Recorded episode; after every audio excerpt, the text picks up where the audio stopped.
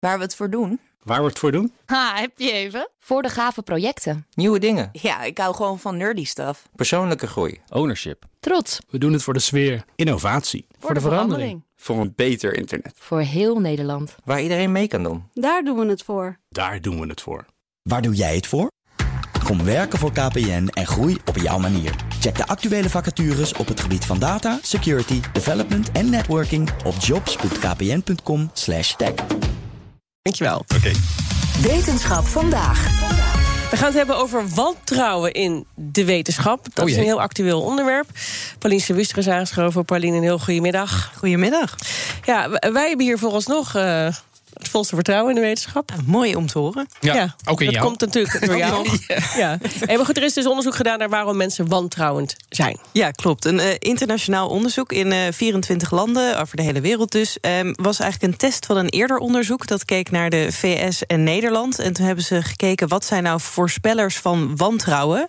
En dat is onderzoek van Bastiaan Rutjens van de Universiteit van Amsterdam. En hij legt uit wat dat inhield. door bepaalde dingen te weten te komen over mensen. Bijvoorbeeld over een politieke voorkeur, over een religieuze, religieus geloof of misschien een spirituele eh, wereldbeeld. Eh, ja, of dat helpt om dan vervolgens ook te kunnen bepalen of diegene waarschijnlijk wat meer of minder eh, sceptisch is over bepaalde wetenschapsgebieden. Ja, en in dat onderzoek hebben ze dus kenmerken gevonden die eh, voorspellend zijn. En dat hebben ze getest in het nieuwe onderzoek. Of dat ook geldt voor andere landen. En eh, grotendeels komt dat overeen. Dus we weten een beetje wat dat voorspelt. En eh, wat eruit blijkt is dat de sceptisch ten opzichte van wetenschap best heterogeen is.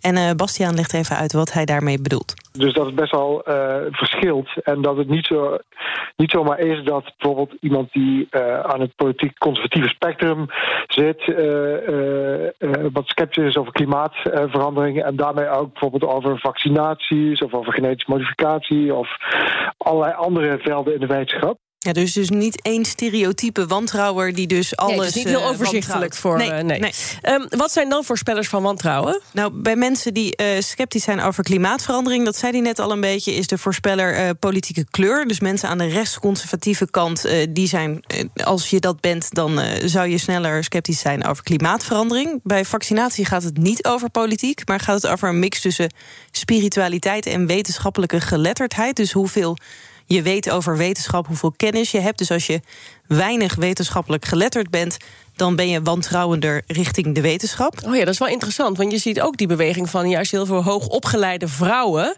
die heel veel wantrouwen nu hebben in. Nou, als het gaat om eh, de wetenschappelijke uitkomst rondom het coronavirus. En wat Nou het beste is. Dan, dan zou het dus kunnen dat dat bijvoorbeeld door die spiritualiteit eh, komt. Dat dat Oh groot ja, dat- bij hun is. Oh ja. Eh, want als je kijkt naar. Nou ja, misschien moeten we daar gelijk heen gaan. Want als je kijkt naar een algemene wantrouwen in de wetenschap, dan is spiritualiteit ook de grootste Oh, voorspeller. oké.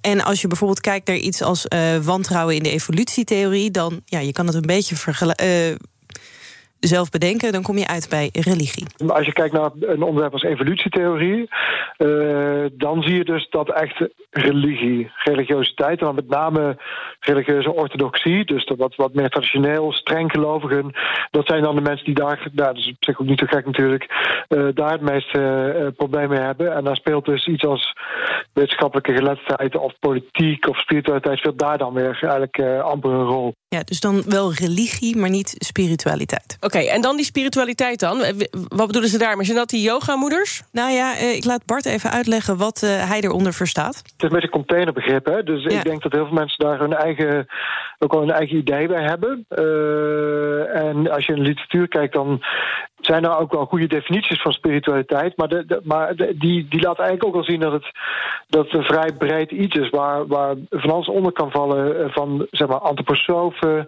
tot yoga-moeders inderdaad. Tot eh, ja, een beetje New Age-achtige types of mensen die bezig zijn met, met, met, een soort natuurreligie of neo, neopaganisme. Dat soort, dat soort dingen. Dat is eigenlijk heel breed. Dus daar valt van alles onder. Ja, en Ik vond het wel mooi dat het New Age en yoga en antroposofen... Ja. Dat, allemaal Alles op één hoop. hoop. Ja. Iets, iets Ja. met spiritualiteit. Ja, precies. Ja, en dat is misschien ook wel eh, wat ze samen bindt. Want het klinkt een beetje tegenstrijdig. Maar juist dat het heel verschillend is, dat is een beetje wat het kenmerkt, spiritualiteit. Want het is nou ja, niet echt geloof, maar een hele individuele manier van hoe je dat beleeft. Dus als je het vergelijkt met religie, dan heb je een vaststaande wijsheid. Bijbel, Koran, religieuze leiders. En bij spiritualiteit gaat het vooral om hoe voelt het voor jou, je eigen intuïtie. Ja. En eh, ja, dan zou je misschien kunnen redeneren dat het dan wat lastiger is om te vertrouwen in iets externs vaststaand als eh, de Ja. wetenschap. En toch zie je wel vaak, ehm, zonder dat we hier nou een hele diepgaande discussie over voeren, bij die, bij die, bij die yoga-moeders, om het maar even aan te halen, dat ze Mhm. juist het idee hebben, denk ik zelf, dat ze heel erg wetenschappelijk geletterd zijn. Dat ze juist heel veel gelezen hebben erover. Alleen besluiten om één specifieke wetenschapper te geloven en ja. een hele hoop andere Overigens, niet. de vraag zou wel zijn bij hoger opgeleid is natuurlijk ook een containerbegrip. In hoeverre zitten daar echt wetenschappelijk geschoolde Nou ja, mensen? ben je of, wetenschappelijk geletterd? En of zijn het HBO'ers die eh, wel praktisch geschoold zijn op een hoger niveau, maar niet per se wetenschapsleer hebben Nou ja, gehad? en het ligt er dus een beetje aan of het, gaat, of het mensen zijn die algemeen een wantrouwen hebben in de wetenschap. En dan is vooral die spiritualiteit dus heel belangrijk. En Ja. die geletterdheid niet zozeer. Maar als het over vaccins gaat, dan is de geletterdheid wel weer wel belangrijk. Dus dat is ook maar net wel, welke yogamoeder je tegenover je hebt. Belangrijke vraag natuurlijk tot slot. Wat kunnen we hier nou mee? Nou, hij, eh, die spiritualiteit, wij waren er ook al over aan het uitweiden. Daar wil Bastiaan nog meer over weten. Hoe werkt dat eh, precies? Maar hij wil ook gaan kijken naar variabelen die wat meer kneedbaar zijn. Want je kan iemand niet echt minder spiritueel maken of een andere politieke kleur geven. Maar wat kan je nou doen om te zorgen dat mensen eh, misschien iets meer vertrouwen krijgen? En dan denkt hij aan psychische afstand. Dus als je veel afstand hebt van de wetenschap, het, je hebt het gevoel dat het niet voor jou is, je kent geen Oh ja. wetenschappers, Oh ja. eh, dan heb je meer wantrouwen. En eh, kun je dat dan ombuigen? Kunnen we een beetje gaan spelen met dat idee van afstand. Kun je die afstand wat verkleinen? En als je dat doet, kun je dan eh, zelfs, eh, ehm, nou, laten we zeggen, politiek conservatieve klimaatontkenners of, of, of spirituele vaccinatiesceptici toch een klein beetje richting de wetenschap, die we door de wetenschap wat dichter naar hen toe te brengen. Dat proberen ze dus eh, uit te zoeken of Heel dat kan. interessant. Ik ben benieuwd wat daaruit komt. Paulien, dankjewel. Wetenschap vandaag wordt mede mogelijk gemaakt door Gimmicks. Gimmicks, your trusted AI partner. Ook Diana Matroos vind je in de BNR-app. Ja, inderdaad. Je kunt live naar mij luisteren tijdens de Big Five.